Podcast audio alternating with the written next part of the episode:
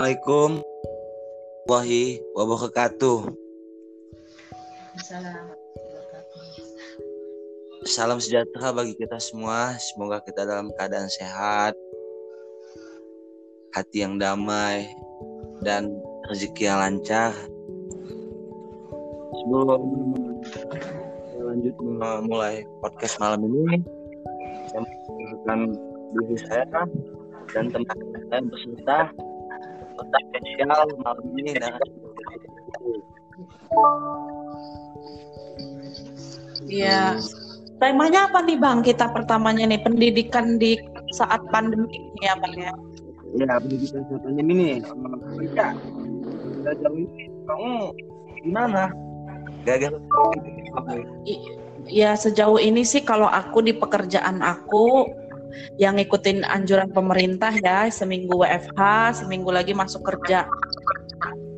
Uh, tapi kita penasaran penasaran sama yang di pendidikan nih Bang. Efek dampaknya terus pendidikan kita ini sekarang kayak gimana? di saat pandemik ini proses belajarnya gimana. Makanya di sini kita udah datengin narasumbernya nih Bang. Dia guru di salah satu MTS yang ada di Bengkulu. Widih, jauh sekali ya narasumber kita. Iya, ini benar-benar dia uh, kita undang di podcast ini. Kita pengen tahu gimana sekarang dunia pendidikan di kala pandemi ini. Teman-teman di sini juga yang mau tanya-tanya, boleh langsung tanya apa yang mau ditanyain. Sebelumnya kita perkenalin diri dulu kali ya Bang ya. Iya, kenalin dulu. Saya Iwan Setia Ramadan. Saya Melisa dan teman saya Dulu Iya. dan Ayu. Oke, sekarang kita pengen kenalan sama narasumber kita uh, yang bernama Ibu Sela. Uh, Ibu Sela boleh dikenalin diri dulu, Bu? Oh iya, Assalamualaikum semuanya. Waalaikumsalam. Ya, perkenalkan nama saya Sela Yuni Fiona. Saya guru honor di MTS Nurul Kamal di Bengkulu, tepatnya di Curup. Saya mengajar IPA. IPA Ibu ya. Ibu ngajar SMP apa SMA, Bu? IPA MTS itu SMP. Oh, MTS itu SMP ya, Bu ya? MTS itu SMP, kalau misalnya MA itu SMA, kalau MI itu SD. Oh, jadi kalau dulu Bu nggak mau masuk IPA Bu, karena kenapa? Nyari jawaban ujian nasional susah. Oh ya Bu nih, lanjutnya Bu, yang nanya-nanya tentang dampak pendidikan di saat pandemi ini Bu, Mm-mm. untuk lingkungan di MTS di Bengkulu gimana Bu saat ini? Oh, kalau saat ini kan kita ini tergantung sama daerah masing-masing. Kalau misalnya daerahnya masih zona hijau, masih zona aman, itu masih tatap muka, tapi jamnya dikurangi. Nah, kalau misalnya normalnya itu pulangnya jam 4 sore, karena COVID kita ini pulangnya jam 11. Itu khusus untuk yang daerahnya masih zona hijau. Kalau misalnya dia daerahnya zonanya merah, itu sama Ya. sekali tidak tatap muka, dia dia lewat ini apa online. Online. Ya, Ah. kalau dia zonanya merah. Iya ya. Tapi untuk protokol pemerintah dijalanin Bu ya? Ya, itu wajib. Dari masker, terus di se- kalau sekarang di setiap kelas itu disediakan tempat cuci tangan. Sama di kantornya juga itu harus ada ini sanitizer, terus untuk cuci tangan, masker itu wajib. Terus lokalnya pun sekarang kalau Benar. normal kan satu lokal 30 anak karena covid ini kelasnya dibagi jadi satu kelas itu paling banyak anaknya 15 nggak boleh lebih itu apa Oh. duduknya itu dipisah-pisahkan gitu Oh ya jaga jarak ya, Bu ya. ya jaga jarak Berarti sisanya online Bu ya? enggak kalau sekarang dibagi misalnya kalau normal itu kan semua kelas bareng nah kalau sekarang Ya. beda hari Senin khususnya kelas A saja nanti Selasa kelas A libur yang masuk kelas B kayak gitu terus di, dibagi persip Tapi Oh iya iya. nggak menutup kemungkinan anak di zaman sekarang ini kan kesian banget kan di pandemi ini. uh, bakal Suaranya putus-putus, tolong ulangi lagi. um, nggak menutup kemungkinan bu di saat pandemi ini kan sekolah terbatas. Uh, terus dampak pendidikan mereka itu kira-kira ke depannya gimana bu? Dampaknya ya. Iya. Dampaknya gini, tergantung sekolah-sekolah setiap sekolah ya, karena setiap sekolah itu kan berbeda-beda. Ada yang satu sekolah itu kalau misalnya muridnya banyak yang tidak memungkinkan untuk dibagi sip, itu benar-benar dia tidak tatap muka walaupun dia di zona hijau. Dia masih online karena kalau misalnya dia nggak online susah untuk membagi jamnya. Kalau misalnya yang muridnya tidak terlalu banyak bisa kan. Nah, kalau yang muridnya banyak ini sulit untuk biar anak itu efektif belajar, dia harus lewat online. Lewat online pun banyak juga ininya kendalanya. Kan tidak semua siswa siswi itu kan dari kalangan mampu untuk Iya. biaya kuota, untuk Iya. terus di setiap anak-anak itu kan rumahnya kan beda-beda kan. Ada yang daerahnya sinyalnya bagus, ada Iya. yang enggak. Di situ kendalanya. Berarti untuk pemerintah sendiri ngasih kuota gratis nggak bu di daerah Bengkulu? Tergantung juga tergantung dari sekolahnya ada yang dapat ada yang ada yang tidak kalau yang kemarin itu dapat tapi Iya. dia tidak tidak seterusnya cuma beberapa kali aja kemarin dapat Bang Iwan, Bang Iwan. Eh, mungkin teman yang lain ada yang mau ditanyain juga nih Bang. Mungkin Lulu atau Ibu ada yang mau ditanyain. Boleh teman-teman sharing di sini? Oke, eh, aku mau tanya nih, eh, eh, Ibu Sela, ya Sebelumnya kenalan diri dulu. eh, dalam proses belajar itu kan kadang-kadang kita suka bosen ya, walaupun tatap muka. Nah, apalagi eh, semenjak pandemi ini tuh tatap mukanya nggak tatap muka, tapi belajar online. Nah, gimana sih cara guru atau para pengajar eh, supaya eh, memotivasi para pelajar gitu, supaya mereka tetap semangat belajar gitu, walaupun secara online. Oh ini juga trik setiap guru kan ada trik masing-masing ya. Nah kalau kalau saya pribadi itu saya ada trik karena saya masih mengajar anak MTS ya. Anak MTS itu kan masih kalangan SMP ya masih ibaratnya masih bocil-bocil gitu. Saya selalu memberikan hadiah kalau bagi anak-anak yang eh, ngerjakan soalnya cepat nggak males-malesan. Nanti saya ada hadiah tersendiri pribadi dari saya gitu. Jadi anak-anak semangat saya selalu kasih hadiah untuk anak-anak. Itu tidak semua guru sih tidak ada apa kewajiban. Cuma itu dari pribadi saya saja biar anak-anak itu semangat. Saya selalu kasih hadiah. Kadang saya kasih uang ka- kadang saya kasih kalau yang cewek-cewek kasih pernak-pernik gitu ya. Ini lihat anaknya dia sukanya apa gitu. Wah. anak-anak itu semangat. Jatuhnya Bu Sela ini guru milenial ya Bu ya. Nah, kalau kan nggak kayak untuk- gitu anak-anak kabur Nah, itu kan ini ya eh, salah satu apresiasi juga buat anak murid. Nah, kalau untuk metode belajarnya itu gimana sih dalam pembelajaran online kayak gini? Nah, kalau metode pembelajarannya itu kita lihat dulu ini murid-muridnya kan ada tidak semua anak HP-nya itu memang HP Android, tapi ada juga kan HP yang kurang mendukung walaupun Android. Jadi kalau saya nggak terlalu ini sih nggak terlalu memaksa anak suruh download aplikasi aplikasi yang sulit atau sulit dipahami sama mereka. Kalau saya cukup WA saja. Kalau misalnya disuruh download aplikasi ini, aplikasi itu kasihan juga kan makan kuota lagi. Nah, terus kalau saya jarang saya kasih video-video karena saya mikir kalau saya kasih video di WA pasti anak itu akan download kan. Saya mikir lagi kuota lagi, paket lagi. Saya sebisa mungkin kasih materi itu untuk menghemat data anak-anak. Jadi saya kasih ini aja materi saya apa? Saya ketik. Saya tidak pernah kasih video takutnya saya takut memberatkan mereka di kuota. Jadi saya ketik materinya, saya ini aja kalau bisa kalau bisa itu jangan terlalu banyak mengasih materi yang harus di-download sama anak kayak gitu. Saya sedikit menghindari sesuatu yang di download-download. Jadi kalau saya masih bisa saya ketik, saya ketik kayak gitu saja. Kalau ketik kan nggak perlu download lagi. Jadi saya kasih materi lewat ketikan saja gitu. Oh, gimana Ayu? Jawabannya? Ada yang mau ditanyain lagi? Oke. Jadi mungkin setiap guru berbeda-beda, tapi Iya, saya berbeda-beda. Uh, uh, ibu saya ini dia kasih uh, education buat murid-muridnya dia nggak mau yang terlalu membebani muridnya jadi dia Ya. dengan cara seperti itu lulu Kalau mungkin misalnya ada uh, ya gimana bu Kalau misalnya ada materi yang tidak bisa diurai dengan kata-kata itu ya terpaksa saya kirim berupa gambar atau berupa video tapi saya semaksimal mungkin saya usahakan untuk memberikan materi yang tidak merep- yang tidak memberatkan anak-anak gitu. oh ya Tapi untuk menutup kemungkinan pasti orang tuanya ikut andil lah bu ya. Kan nggak Pasti semua orang tuanya.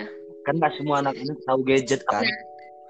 Iya, di COVID ini salah satu salah satu dampak positifnya kalau waktu nggak COVID itu kan biasanya orang tua kan kerja, jadi orang Iya. tua kurang kan memperhatikan anak-anaknya, taunya anaknya taruh di sekolah. Nah, karena ada COVID ini kan, kalau nggak ada COVID, mungkin orang tua jarang kan untuk melihat anaknya ini ikut andil dalam belajar. Jadi Iya. waktu COVID ini dampak positifnya orang tua juga ikut mengajari anak-anaknya gitu. Salah satu dampak positifnya Iya. Orang tuanya jadi lihat kemampuan anaknya. Oh, anak saya ternyata kalau diajarin kayak gini ya. Ternyata daya tangkap anak saya kayak gini ya. Jadi gara-gara Covid ini orang tua tahu gimana anaknya kalau mau anaknya dalam menerima pe- pembelajaran itu udah nyambung atau enggak. Kan ada tuh yang lagi viral an- orang tuanya marah-marah, nggak sabar. Nah, kan iya tahu jadi anaknya kualitas anaknya kemampuan anaknya kalau nggak tahu covid ya. orang tua nggak akan bakal tahu kalau sesabar itu untuk di- didik anaknya Iya. Iya, jadi ada positifnya juga ya bang Iwan ya jadi orang Iya. tua bisa tahu gimana potensi batas Iya. mana ini bisa terima mata pelajaran gitu kan ya dulu ada yang Jadi- mau ditanyain Bu? oh ya bu gimana bu ya jadi gini apa karena covid ini juga kan orang tua tahu kan kalau didik anaknya itu nggak mudah. Kita yang dari ngajari anak dia dari kelas 1 sampai kelas 3 kadang kita juga nggak pernah kan marah-marah. Nah orang tuanya aja baru ngajari seminggu sudah banting-bantingi panci lah sudah marah-marah. Iya, benar banget ya bu. Itu kita yang tiga tahun dia dia cuma nangani anaknya doang cuma satu. Kita satu kelas tuh berapa anak itu aja gimana coba nanganinya lebih dari 20 anak berarti mungkin dampak finansial juga bu. Gara-gara anak orang tua nggak kerja bisa jadi ya kan. Tapi kangen kesian sih bu. Kangen masa-masa seperti kayak kita dulu kami dulu. iya pasti itu belajarnya pun kurang efektif. Guru guru harus ini pandai-pandai apa materinya itu dipersingkat lagi. Waktu nor waktu kita belum covid aja itu kan biasanya kan belajarnya kan tiga jam betul-betul tiga jam dua jam gitu. Itu pun kadang kan masih kurang. Nah sekarang ini kalau covid harus dikurangi. Satu jam itu cuma 20 menit. Oh gitu bu. Iya, jamnya dikurangi. Jadi biasanya kalau normal satu bab itu berapa cuma tiga ini apa cuma dua kali pertemuan. Sekarang karena covid kan dikit jamnya cuma dikit jadi agak lama. Sekarang satu bab itu aja kadang kan sampai berapa kali pertemuan. Karena satu jam cuma dihitung 20 menit. iya iya Bu, untuk eh, Bu Stella, teman saya yang lain ada yang mau ditanyain nih Bu. Teman-teman yang lain ada yang mau ditanyain, Lulu mungkin. Iya, baik Bu. Nama saya Lulu. Eh, Bu Sela pengen nanya nih Bu. Eh, kemarin kan juga aku sempat baca-baca artikel gitu kan ya tentang pendidikan online kayak gitu. Ada siswa-siswi yang stres karena belajar online, eh, yang di mana dia tuh eh, terus dikasih soal, soal, soal terus, terus eh, gurunya eh, upload upload materi aja. Nah, bahkan uh, si siswa siswinya itu nggak ngerti apa yang materi yang dihapus sama gurunya tersebut. Bahkan sampai ada yang uh, siswanya itu bunuh diri akibat stres gara-gara belajar uh, lewat daring gitu bu. Itu gimana bu tanggapan ibu menurut ibu? Karena sampai ada mahasiswa yang stres karena belajar online dari rumah. Kalau saya pribadi sih kita selidiki dulu kasus itu anak. Saya kira dia bunuh diri itu bukan karena online apa belajar daring saja pasti ada dampak lainnya deh. Sehingga dia punya masalah masalah di luar sekolah ditambah lagi PR tambah banyak. Nah itu yang nambah beban anak gitu. Jadi kalau yang bunuh diri kemarin saya rasa sih itu bukan 100 100% murni karena belajar online. Pasti ada masalah lagi anak itu Iya iya. Tapi lebih lebih efektifan belajar langsung ke sekolah ya Bu ya. daripada via online. Nah iya. Terus kalau menurut saya sih agar anak-anak nggak bosan belajar online itu gurunya jangan ngasih materi terus sekali-sekali diselipin game atau diselipin atau gambar lucu-lucu pokoknya dikasih ini aja apa motivasi biar nggak bosan gitu. Jangan tegang kayak gitu biar anak-anak nggak takut. Terus kalau bisa guru itu kalau di eh, gimana ya kalau sama murid jangan terlalu kaku gitu. Biar anak-anak kalau nggak paham anak-anak itu berani bertanya. Kalau misalnya kaku dia takut. Mau chat kita aja mungkin nggak ada yang berani. Tapi kalau kita agak lebih terbuka lebih ngajak anak-anak itu bercanda dia kalau misalnya nggak paham dia enak dia nanya yang nggak takut takut bu saya nggak paham. Kalau misalnya kita apa itu nggak terlalu tegas bu nggak nggak terlalu gimana gitu kan biar anak-anak bisa bisa santai sama kita santai tapi serius gitu. Jadi kalau dia nggak paham ya dia tetap berani nanya nggak ada rasa takut gak gimana ya saya mau WA aja nggak berani mau ngetik aja gemeteran jangan sampai anak itu takut sama gurunya takutnya boleh nggak takut boleh takut tapi gimana ya anak itu guru itu harus dijadikan teman. Jangan ya, terlalu itu. Biar anak-anak itu bisa berbaur bisa cerita-cerita sama kita bisa curhat sama kita. Jadi ya enjoy aja gitu. Ya, ya, ya. sampai anak mau WA hmm. aja sampai gemeteran mau WA kayak mau WA siapa gitu kan. Kita iya, santai-santai saja. Biar iya, anak iya. nggak terlalu terbebani gitu. Iya. Jadi diajak bercanda gitu. Kalau saya misalnya saya kasih materi saya selalu dicanda saya bercanda dulu sama anak-anak biar dia nggak bosan mau tanya juga dia nggak ragu ya enjoy aja gitu. Jadi kayak temen bu ya tapi Bu, kalau misal semisal ada mahasiswa nih nilainya jelek siswanya, ada nggak Bu orang tuanya yang protes? Oh banyak, sangat banyak. Ya banyak sekali.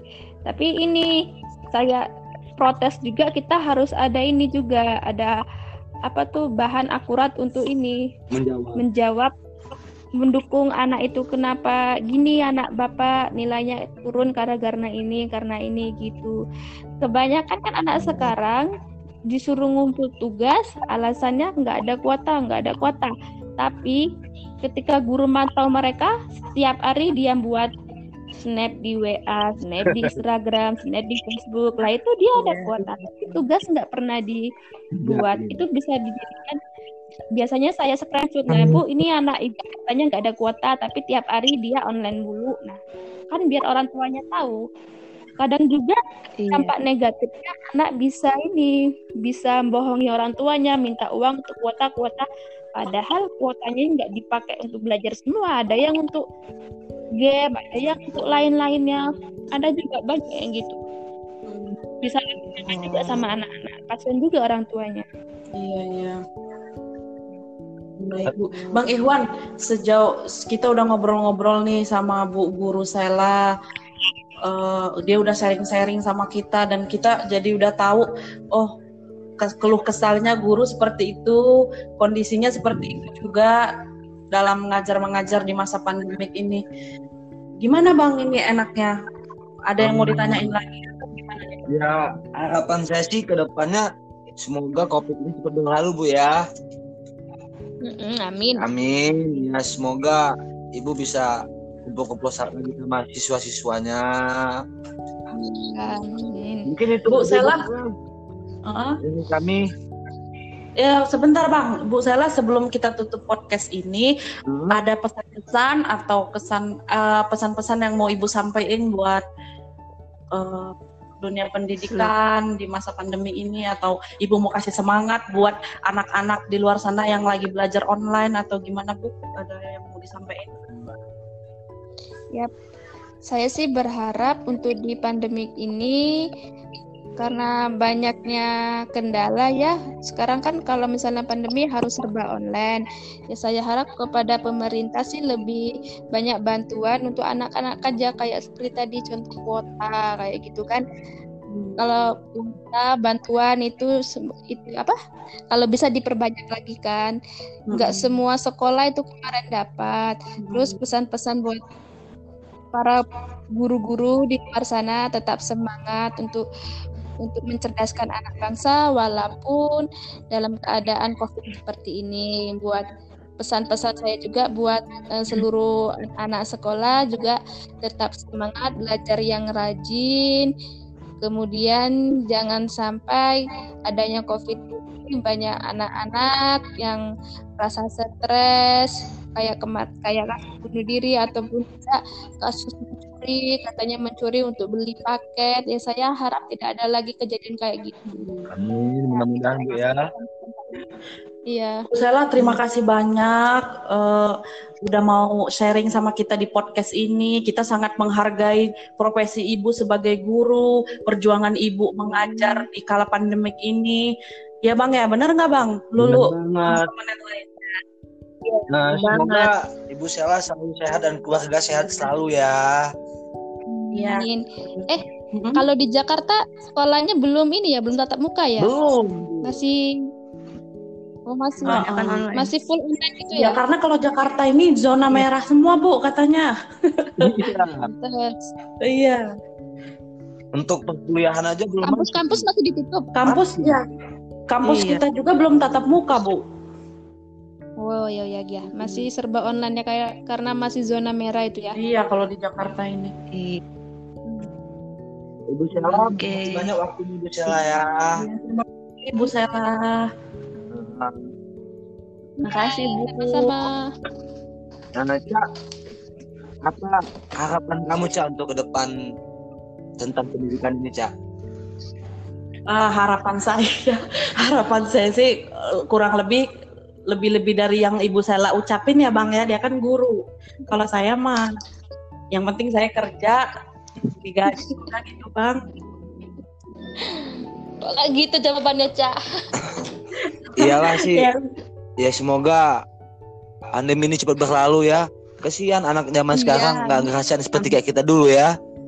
iya sih Bang. iya Ah, nggak covid aja mereka masih ada yang susah nanggep apalagi pas covid ini mau jadi apa mereka alumni covid yang nanti Eh, ya benar Bu. Iya. Mungkin sekian podcast dari kami.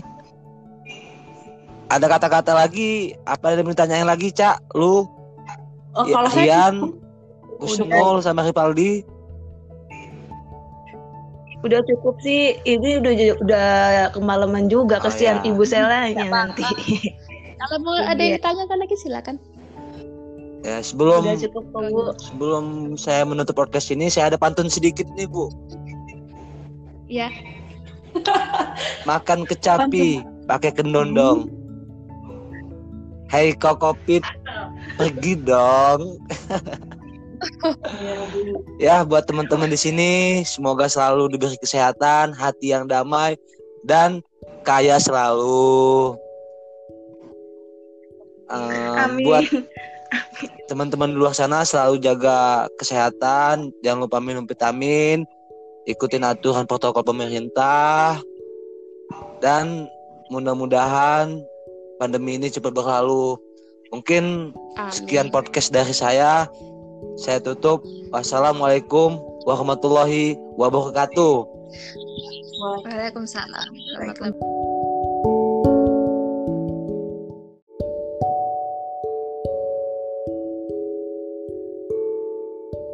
Assalamualaikum warahmatullahi wabarakatuh. Salam sejahtera bagi kita semua. Semoga kita dalam keadaan sehat, hati yang damai, dan rezeki yang lancar. Sebelum lanjut memulai podcast malam ini, saya mengenalkan diri saya dan teman saya beserta tetap spesial malam ini dan Iya. Temanya apa nih Bang? Kita pertamanya nih pendidikan di saat pandemi ini ya Bang ya. ya pendidikan saat pandemi nih. Ya, kita jauh ini kamu gimana? Gagal Ya sejauh ini sih kalau aku di pekerjaan aku yang ngikutin anjuran pemerintah ya seminggu WFH, seminggu lagi masuk kerja. Uh, tapi kita penasaran penasaran sama yang di pendidikan nih Bang. Efek dampaknya terus pendidikan kita ini sekarang kayak gimana?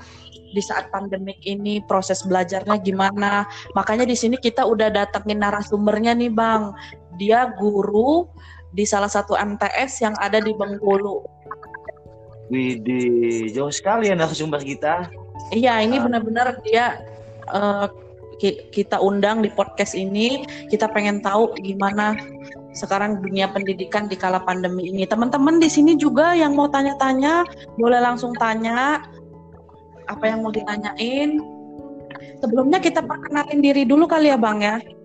Iya, kenalin dulu. Saya Iwan Setia Ramadan. Saya Melisa dan teman saya. Dulu Iya. Pamia dan Ayu. Oke, sekarang kita pengen kenalan sama narasumber kita eh, yang bernama Ibu Sela. Eh, Ibu Sela boleh dikenalin diri dulu, Bu? Oh iya, Assalamualaikum semuanya. Waalaikumsalam. Ya, perkenalkan nama saya Sela Yoni Fiona. Saya guru honor di MTS Nurul Kamal di Bengkulu, tepatnya di Curup. Saya mengajar IPA. IPA ya, Bu, ya. Ibu ngajar SMP apa SMA, Bu? IPA MTS itu SMP. Oh, MTS itu SMP ya, Bu ya? MTS itu SMP, kalau misalnya MA itu SMA, kalau MI itu SD. Oh, jadi kalau saya dulu Bu nggak mau masuk IPA Bu, karena kenapa? Nyari jawaban ujian nasional susah. Oh iya Bu nih, lanjutnya Bu. Yang nanya-nanya tentang dampak pendidikan di saat pandemi ini Bu, Mm-mm. untuk lingkungan di MTS di Bengkulu gimana Bu saat ini? Oh, kalau saat ini kan kita ini tergantung sama daerah masing-masing. Kalau misalnya daerahnya masih zona hijau, masih zona aman, itu masih tatap muka, tapi jamnya dikurangi. Nah, kalau misalnya normalnya itu pulangnya jam 4 sore, karena COVID kita ini pulangnya jam 11. Itu khusus untuk yang daerahnya masih zona hijau. Kalau misalnya dia daerahnya zonanya merah, itu sama Ya. sekali tidak tatap muka, dia dia lewat ini apa online. Online. Ya, Ah. kalau dia zonanya merah. Iya ya. Tapi untuk protokol pemerintah dijalanin Bu ya? Ya, itu wajib. Dari masker, terus di se- kalau sekarang di setiap kelas itu disediakan tempat cuci tangan. Sama di kantornya juga itu harus ada ini sanitizer, terus untuk cuci tangan, masker itu wajib. Terus lokalnya pun sekarang kalau Iya. normal kan satu lokal 30 anak karena covid ini kelasnya dibagi jadi satu kelas itu paling banyak anaknya 15 nggak boleh lebih itu apa Oh. duduknya itu dipisah-pisahkan gitu Oh ya jaga jarak ya, Bu ya? ya, jaga jarak Berarti sisanya online Bu ya? enggak kalau sekarang dibagi misalnya kalau normal itu kan semua kelas bareng nah kalau sekarang Ya. beda hari Senin khususnya kelas A saja nanti Selasa kelas A libur yang masuk kelas B kayak gitu terus di, dibagi persip Tapi Oh iya, iya. nggak menutup kemungkinan anak di zaman sekarang ini kan kesian banget kan di pandemi ini. uh, bakal Suaranya putus-putus, tolong ulangi lagi. uh, nggak menutup kemungkinan bu di saat pandemi ini kan sekolah terbatas. Uh, terus dampak pendidikan mereka itu kira-kira ke depannya gimana bu? Dampaknya ya, Iya.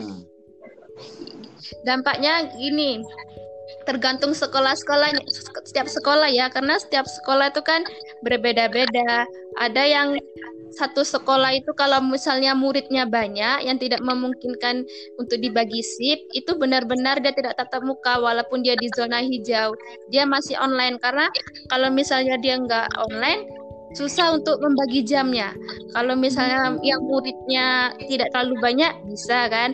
Nah, kalau yang muridnya banyak ini sulit untuk biar anak itu efektif belajar, dia harus lewat online.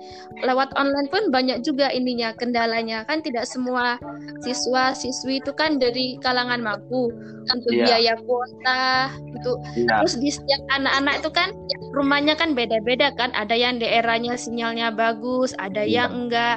Di situ kendalanya. Berarti untuk pemerintah sendiri ngasih kuota gratis nggak bu di daerah Bengkulu? Tergantung juga tergantung dari sekolahnya ada yang dapat ada yang ada yang tidak kalau yang kemarin itu dapat tapi Iya. dia tidak tidak seterusnya cuma beberapa kali aja kemarin dapat Bang Ikhwan, Bang Ikhwan. Eh, mungkin teman yang lain ada yang mau ditanyain juga nih Bang. Mungkin Lulu atau Ibu ada yang mau ditanyain. Boleh teman-teman sharing di sini? Oke, eh, aku mau tanya nih, eh, eh, Ibu Sela, ya Sebelumnya kenalan diri dulu. eh, dalam proses belajar itu kan kadang-kadang kita suka bosen ya, walaupun tatap muka. Nah, apalagi eh, semenjak pandemi ini tuh tatap mukanya nggak tatap muka, tapi belajar online. Nah, gimana sih cara guru atau para pengajar eh, supaya eh, memotivasi para pelajar gitu, supaya mereka tetap semangat belajar gitu, walaupun secara online. Oh ini juga trik setiap guru kan ada trik masing-masing ya. Nah kalau kalau saya pribadi itu saya ada trik karena saya masih mengajar anak MTS ya. Anak MTS itu kan masih kalangan SMP ya masih ibaratnya masih bocil-bocil gitu. Saya selalu memberikan hadiah kalau bagi anak-anak yang eh, ngerjakan soalnya cepat nggak males-malesan. Nanti saya ada hadiah tersendiri pribadi dari saya gitu. Jadi anak-anak semangat saya selalu kasih hadiah untuk anak-anak itu. Tidak semua guru sih tidak ada apa kewajiban. Cuma itu dari pribadi saya saja biar anak-anak itu semangat. Saya selalu kasih hadiah. Kadang saya kasih uang ka- kadang saya kasih kalau yang cewek-cewek kasih pernak-pernik gitu ya. Ini lihat anaknya dia sukanya apa gitu. Jadi Wah. anak-anak itu semangat. Jatuhnya Bu Sela ini guru milenial ya Bu ya. Nah, kalau itu kan nggak kayak untuk- gitu anak-anak pada kabur Nah, itu kan ini ya eh, salah satu apresiasi juga buat anak murid. Nah, kalau untuk metode belajarnya itu gimana sih dalam pembelajaran online kayak gini? Nah, kalau metode pembelajaran itu kita lihat dulu ini murid-muridnya kan ada tidak semua anak HP-nya itu memang HP Android, tapi ada juga kan HP yang kurang mendukung walaupun Android. Jadi kalau saya nggak terlalu ini sih nggak terlalu memaksa anak suruh download aplikasi aplikasi yang sulit atau sulit dipahami sama mereka. Kalau saya cukup WA saja. Kalau misalnya disuruh download aplikasi ini, aplikasi itu kasihan juga kan makan kuota lagi. Nah, terus kalau saya jarang saya kasih video-video karena saya mikir kalau saya kasih video di WA pasti anak itu akan download kan. Saya mikir lagi kuota lagi, paket lagi. Saya sebisa mungkin kasih materi itu untuk menghemat data anak-anak. Jadi saya kasih ini aja materi saya apa? Saya ketik. Saya tidak pernah kasih video takutnya saya takut memberatkan mereka di kuota. Jadi saya ketik materinya, saya ini aja kalau bisa kalau bisa itu jangan terlalu banyak mengasih materi yang harus di-download sama anak kayak gitu. Saya sedikit menghindari sesuatu yang di download-download. Jadi kalau saya masih bisa saya ketik, saya ketik kayak gitu saja. Kalau ketik kan nggak perlu download lagi. Jadi saya kasih materi lewat ketikan saja gitu. Oh, gimana Ayu? Jawabannya? Ada yang mau ditanyain lagi? Oke. Jadi mungkin setiap guru berbeda-beda, tapi Iya, ibu saya lain- berbeda-beda. uh, uh, ibu saya ini dia kasih uh, education buat murid-muridnya dia nggak mau yang terlalu membebani muridnya. Jadi dia Iya. dengan cara seperti itu. Lulu Kalau mungkin misalnya ada uh, ya gimana Bu? kalau misalnya ada materi yang tidak bisa diurai dengan kata-kata itu ya terpaksa saya kirim berupa gambar atau berupa video tapi saya semaksimal mungkin saya usahakan untuk memberikan materi yang tidak mere- yang tidak memberatkan anak-anak gitu. Oh ya. Tapi untuk menutup kemungkinan pasti orang tuanya ikut andil lah bu ya. Kan nggak Pasti semua orang tuanya. kan nggak semua anak-anak tahu gadget kan. Iya, di COVID ini salah satu salah satu dampak positifnya Ya. kalau waktu nggak COVID itu kan biasanya orang tua kan kerja, jadi orang Iya. tua kurang kan memperhatikan anak-anaknya, Iya. taunya anaknya taruh di sekolah.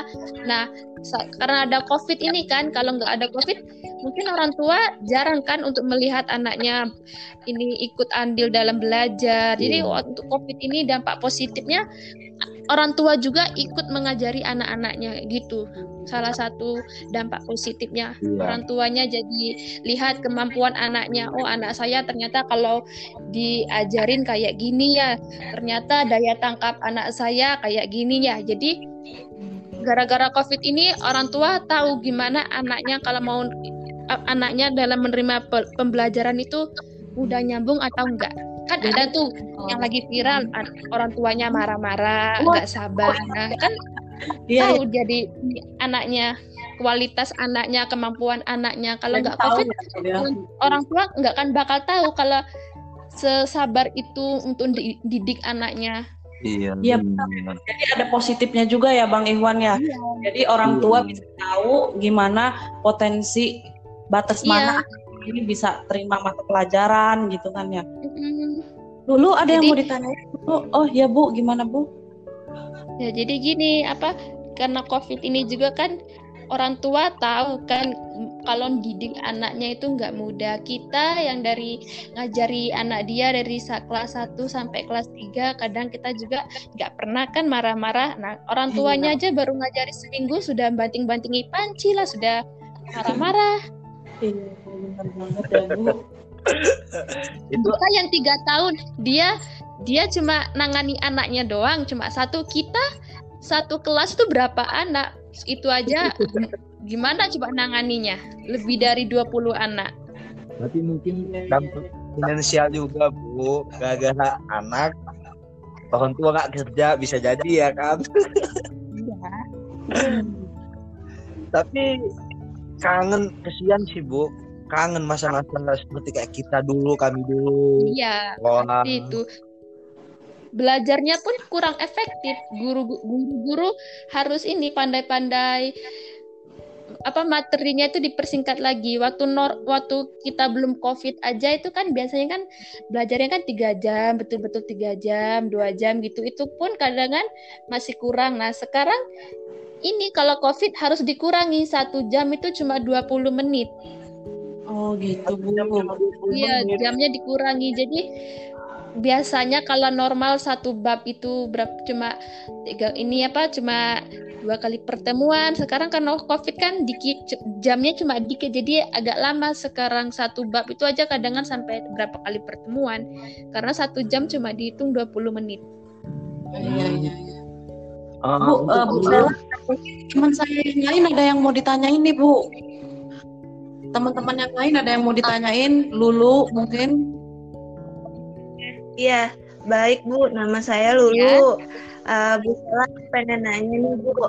Eh, kemarin kan juga aku sempat baca-baca artikel gitu kan ya tentang pendidikan online kayak gitu.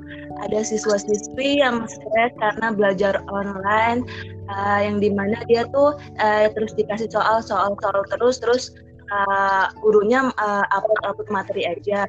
Nah, bahkan uh, si siswa siswinya itu nggak ngerti apa yang materi yang dihapus sama gurunya tersebut.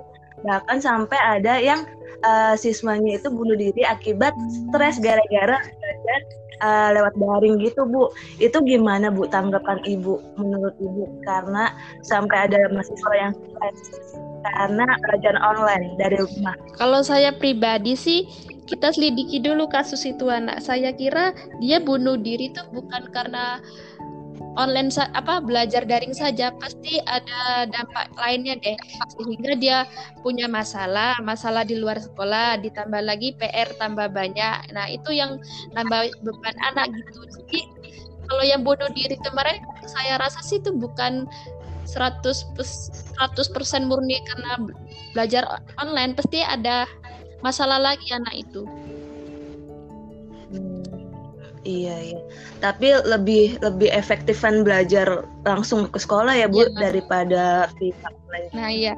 Terus kalau menurut saya sih agar anak-anak nggak bosan belajar online itu gurunya jangan ngasih materi terus sekali-sekali diselipin game atau diselipin atau gambar lucu-lucu pokoknya dikasih ini aja apa motivasi biar nggak bosan gitu. Jangan tegang kayak gitu biar anak-anak nggak takut. Terus kalau bisa guru itu kalau di eh, gimana ya kalau sama murid jangan terlalu kaku gitu. Biar anak-anak kalau nggak paham anak-anak itu berani bertanya. Kalau misalnya kaku dia takut. Mau chat kita aja mungkin nggak ada yang berani tapi kalau kita agak lebih terbuka lebih ngajak anak-anak itu bercanda dia kalau misalnya nggak paham dia enak dia nanyanya nggak takut takut bu saya nggak paham kalau misalnya kita apa sama murid itu nggak terlalu tegas buat nggak nggak terlalu gimana gitu kan biar anak-anak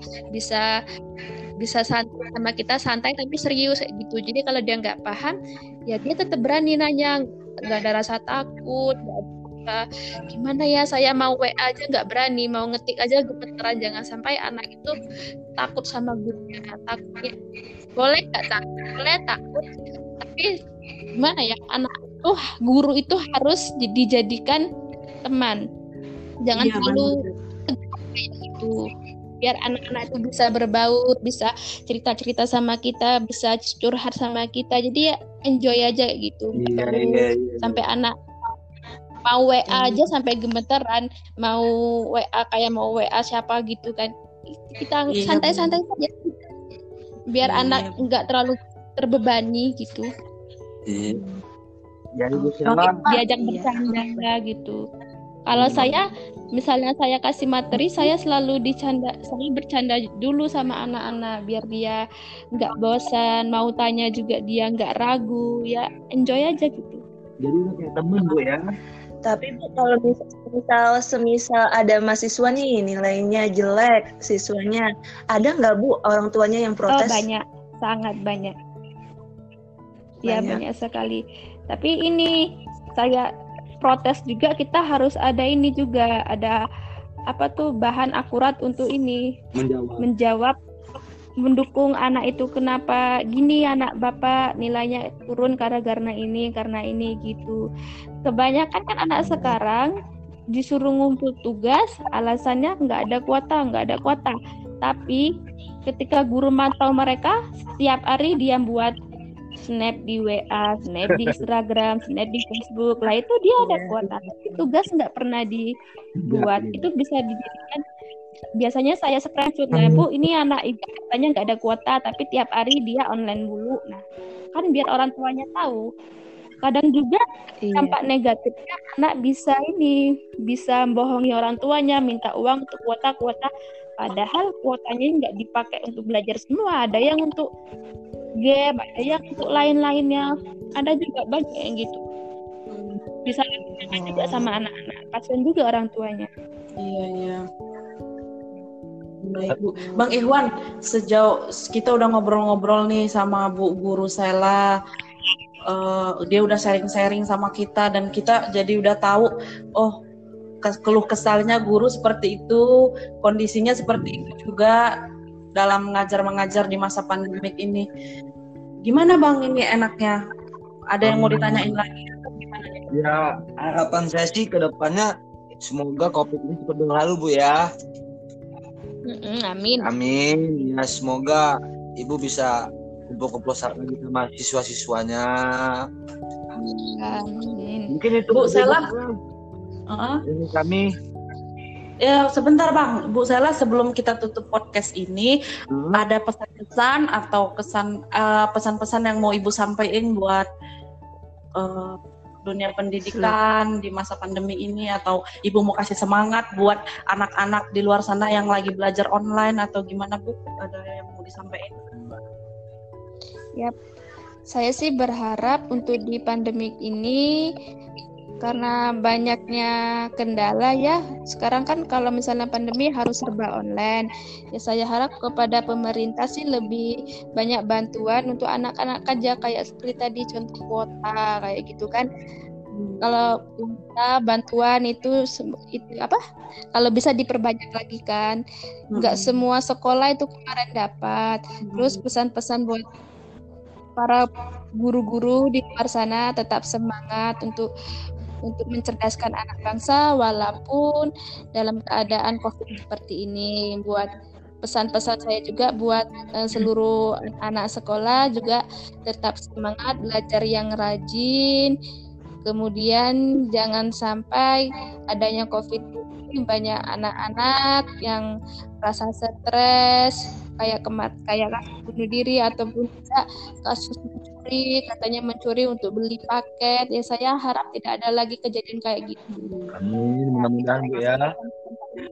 iya Bu Sela, terima kasih banyak eh, udah mau sharing sama kita di podcast ini. Kita sangat menghargai profesi ibu sebagai guru, perjuangan ibu mengajar di kala pandemik ini. Ya bang ya, bener nggak bang? Lulu. Benar banget. Nah, Bener semoga Ibu Sela selalu sehat dan keluarga sehat selalu ya. Iya. Amin. Mm-mm. kalau di Jakarta sekolahnya belum ini ya belum tatap muka ya Belum.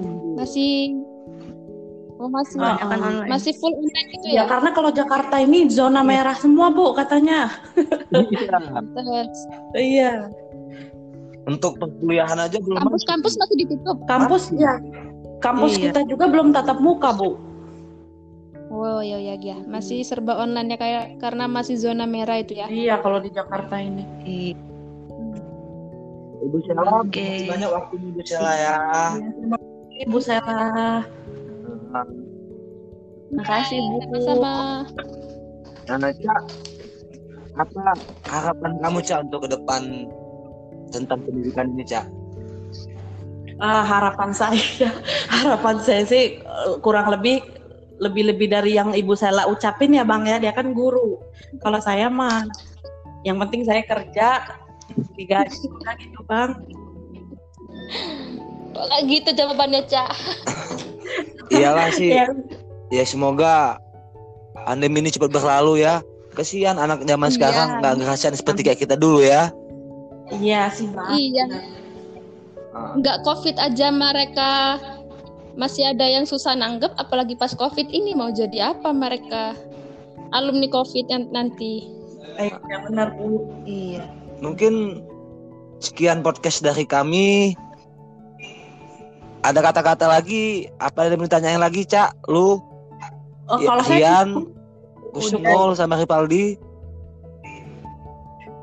Udah cukup sih. Ini udah udah kemalaman juga. Oh, Kesian ya. Ibu Selanya nanti. kalau mau ada yang Iya. ditanyakan lagi silakan Ya, sebelum Udah cukup sebelum saya menutup podcast ini, saya ada pantun sedikit nih, Bu. Ya Makan kecapi pakai kendondong. Hei kokopit, pergi dong. ya, buat teman-teman di sini, semoga selalu diberi kesehatan, hati yang damai, dan kaya selalu. Eh, Amin. buat teman-teman di luar sana selalu jaga kesehatan, jangan lupa minum vitamin, ikutin aturan protokol pemerintah, dan mudah-mudahan pandemi ini cepat berlalu. Mungkin sekian Amin. podcast dari saya. Saya tutup. Wassalamualaikum warahmatullahi wabarakatuh. Waalaikumsalam warahmatullahi